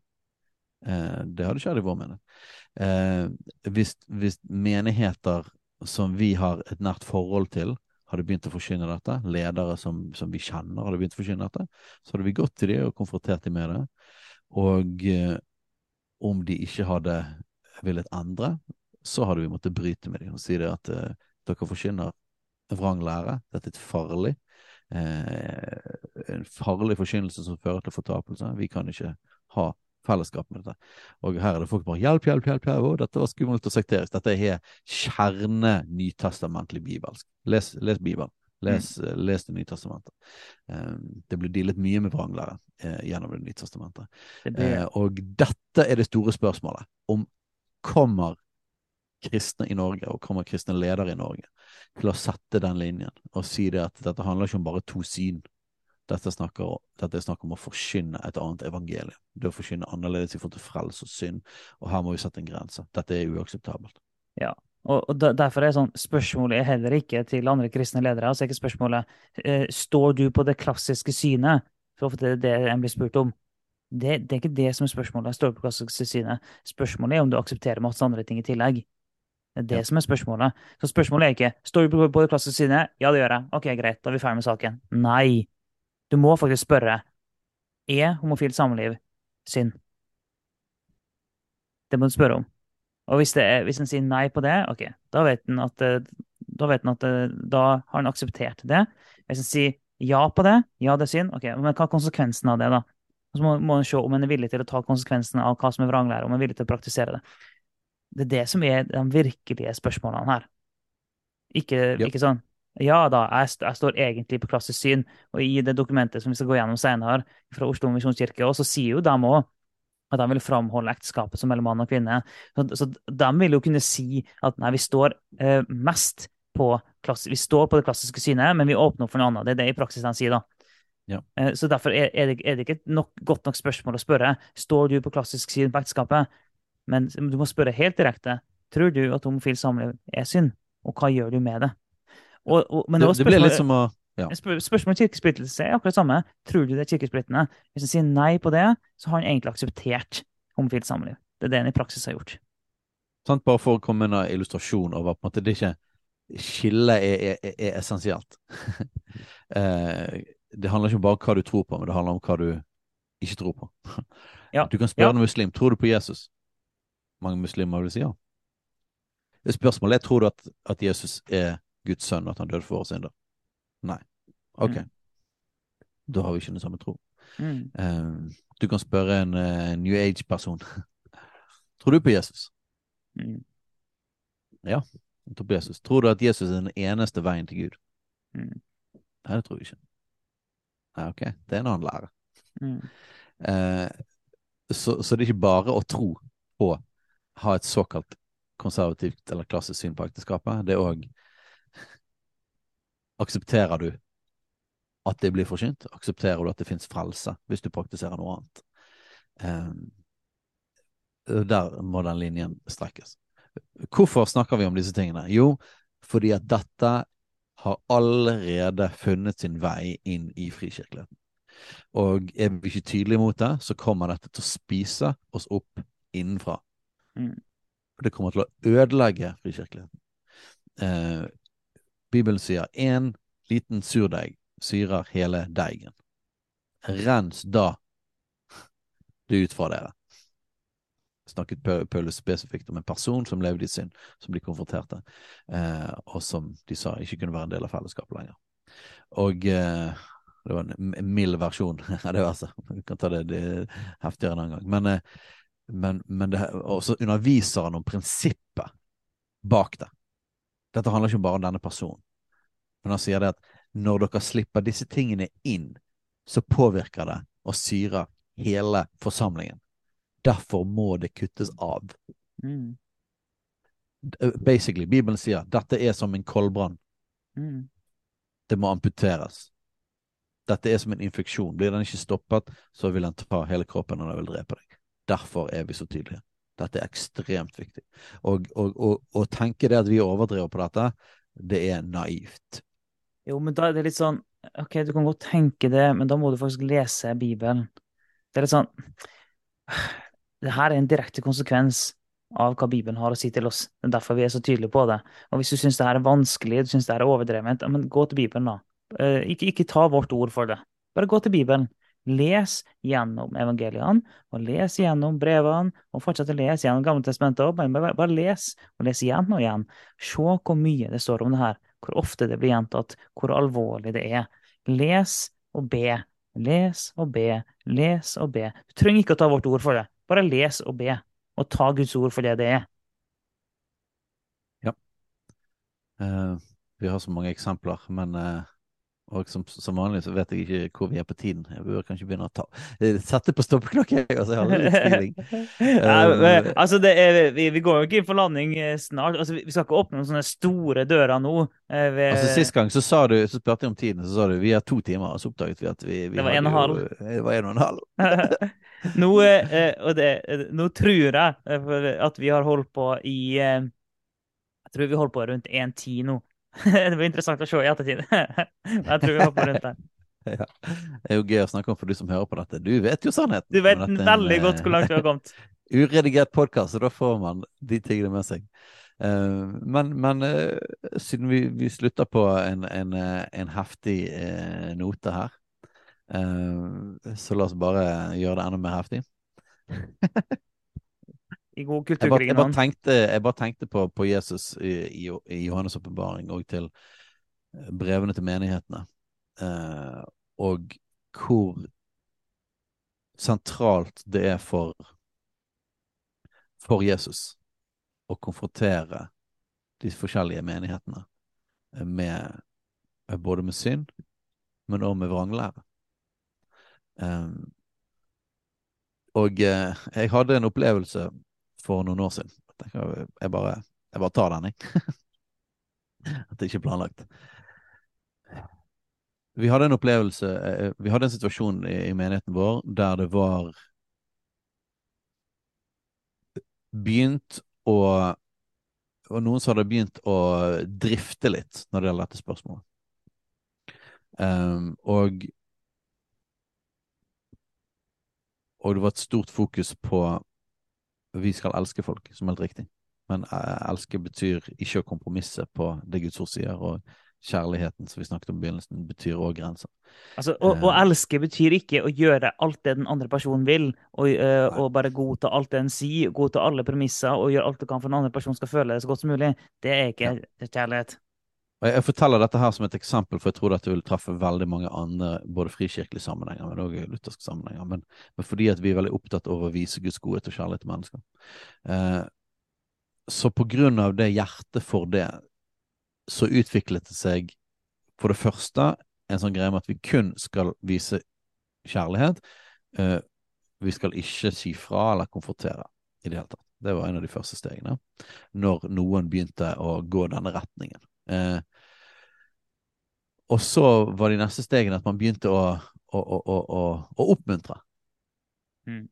Jeg tror de som oppmuntret, egentlig fortsatt hadde et hva vi kaller det, klassisk syn på ekteskapet. Jeg tror ikke de egentlig mente at det var riktig, men, men, men, de, de, er veldig glad i menneskene. Mm. Så de begynte å oppmuntre dem, til og med å, støtte dem på sosiale medier. Mm. På forskjellige utsagn. Trykke like, trykke hjerte jeg, jeg tipper det at hjertet bak det var liksom at vi, vi, vi, ønsker å elske og støtte disse folkene, men jeg er ikke nødvendigvis enig i det de står for. Mm. Men det som begynte å skje, at, at flere i menigheten vår begynte å støtte sånne ting uh, offentlig, uten at jeg tror de egentlig gjorde det. Jeg tror ikke de skjønte hva de gjorde, men det hele denne greien handler om liksom Ja, men vi, vi skal elske, så, så, så, så vi oppmuntret. Um, og, og det begynte å utvikle seg et rom for at disse tingene, fordi at det ikke ble adressert, et rom for at disse tingene kunne skje, og at folk i vår menighet uh, ville gå en vei i forhold til en, en, en, uh, si en å leve ut en seksualitet som, ikke, som, ikke, som er utenfor Bibelens rammer, i forhold til ja, sånn utrolig sånn forsiktig måte å for, formidle det på. Jeg prøver å ikke være altfor personlig, eller prøver å på en måte eh, ikke snakke for tydelig om hvem og hvordan, og alt sånt, så det der, men jeg prøver å beskrive en situasjon. Um, men det, det, skapte en mulighet pga. mangel på konfrontasjon og pga. et instinkt av elske, oppmuntre, støtte. Mm. Og så uh, var vi på en, en, høstferie, jeg husker hvor vi var. Uh, og så våknet jeg opp med at jeg hørte et ord. Jeg hørte Gud si til meg Det var nesten som at det var en hørbar stemme i rommet. men Jeg, jeg, jeg tror ikke det var hørbart i rommet, men jeg tror det var, jeg var inni meg. Men det var ikke som at Gud bare veldig tydelig vekket meg. Og så sa han pergamum. Jeg bare What? Utrolig rart ord. Um, og jeg skjønte pergamum. Det, jo, det er jo en av disse her syv menighetene i Johannes' åpenbaring. Men jeg må innrømme det at jeg leser ikke fryktelig mye i Johannes' åpenbaring. Det er andre ting jeg kan mye bedre i Bibelen. Så jeg kunne ikke huske hva det handlet om. Hva, hva var det han sa til pergamum og sånn. Så Men jeg bare husker ok, pergamum. Men det var, eneste, det var det Gud sa. Hergamum.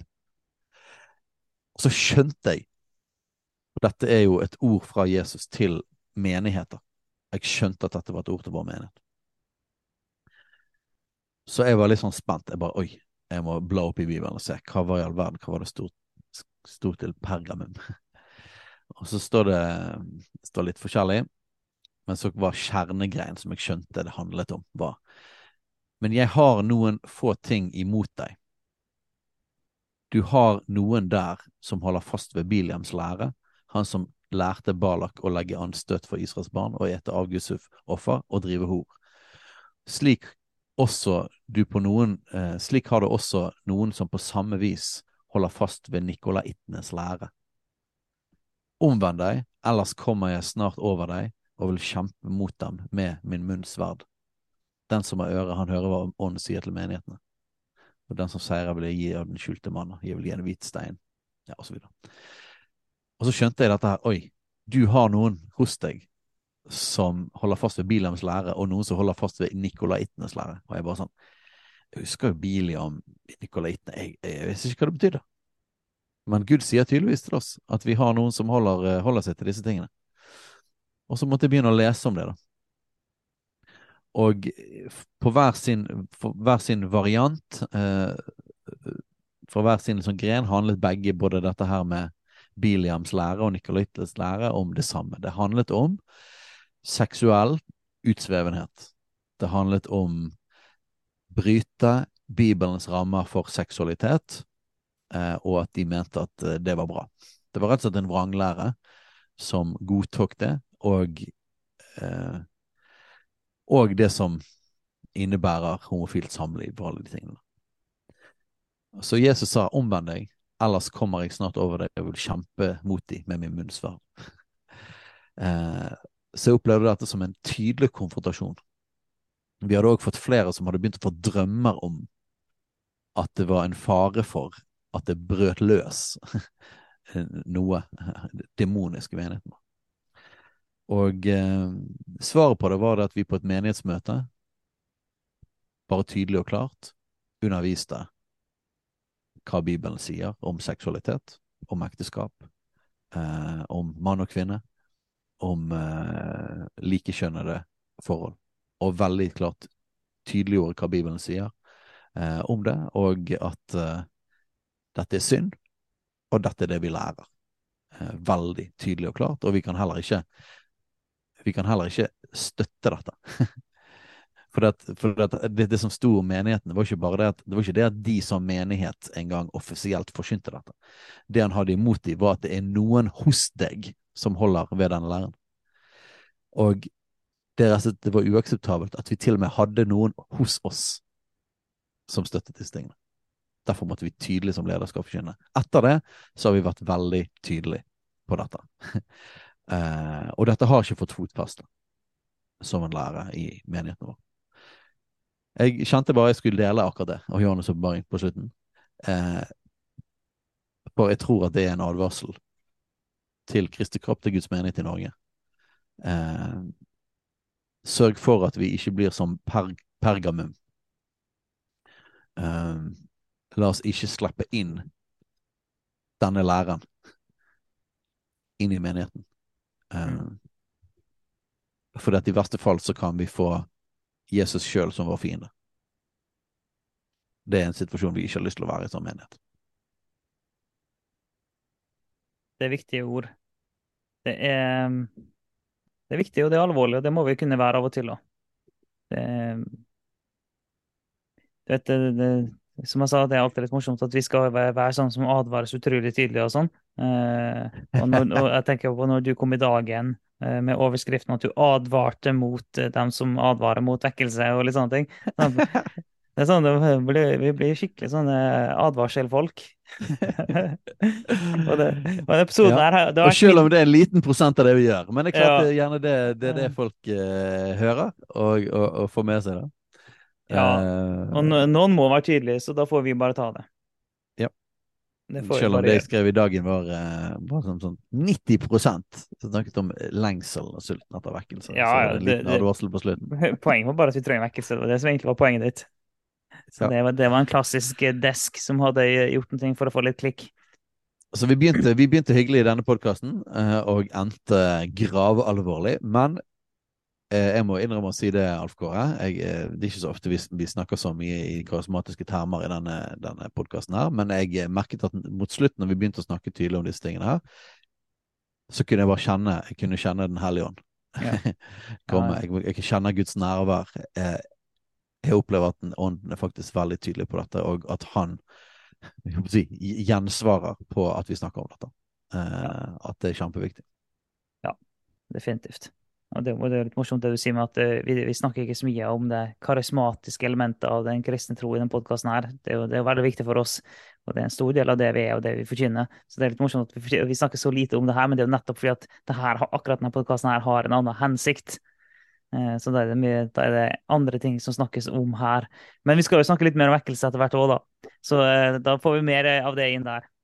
Yes. Vekkelse er svaret. Guds Vekkelse er svaret. Det er Alt er ikke mørkt. Eh, og advarsler og tydelighet og konfrontasjon handler om å dra oss til Jesus, sånn at vi skal kaste oss på han.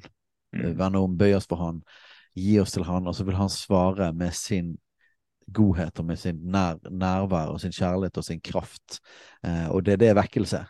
Og eh, vi tror på en utøselse av Den hellige ånd, og at eh, denne vranglæren er ikke bare det som skjer. Gud er på ferde. Så derfor kaller vi denne serien Vekkelse og vranglære. Og de tingene har jo gått hånd i hånd som kontraster i, gjennom hele historien. Mm. Nå føler jeg at vi har kommet til et uh, sluttpunkt i dag. Yep. Så gjør vi det enkelt og greit. Takk for at du ble med helt til nå på slutten. Hvis du orka alt det her, hvis du orka alt, alt alvoret og alle advarsler, så takker vi for det. Og så håper vi at du fortsatt har lyst til å orke å høre på oss neste uke òg. du ble litt redd nå. Nei. Nei. jeg, jeg prøver å være mjuk. Det det Ja, det. Jeg prøver å være liksom, komme i møte. Prøve å vi, kan, vi kan ha litt sånn good cop, bad cop-greier. Når du er tydelig, så kan jeg prøve Ja, å være snill ja. Og, og moderere, og så omvendt. jeg, jeg, hører, jeg hører liksom Ellens stemme i hodet mitt. At uh, dere er så mye mer tydelige enn dere tror. Så jeg tenker, ok, nå, vi har, jeg, jeg kjenner Når vi til og med tror vi er tydelige, da hvor tydelig blir det da? Liksom? Ja, ja, ja, det er akkurat det. Men sånn, så vi, vi må prøve å komme, komme litt sånn på, på slutten her. Ja. Vi får det som et emoji-smil på slutten av denne Ja. formaningen her. Ja, ja. Kan slenge på et hjerte òg. Nei, men OK, vi sier det sånn. Takk for i dag.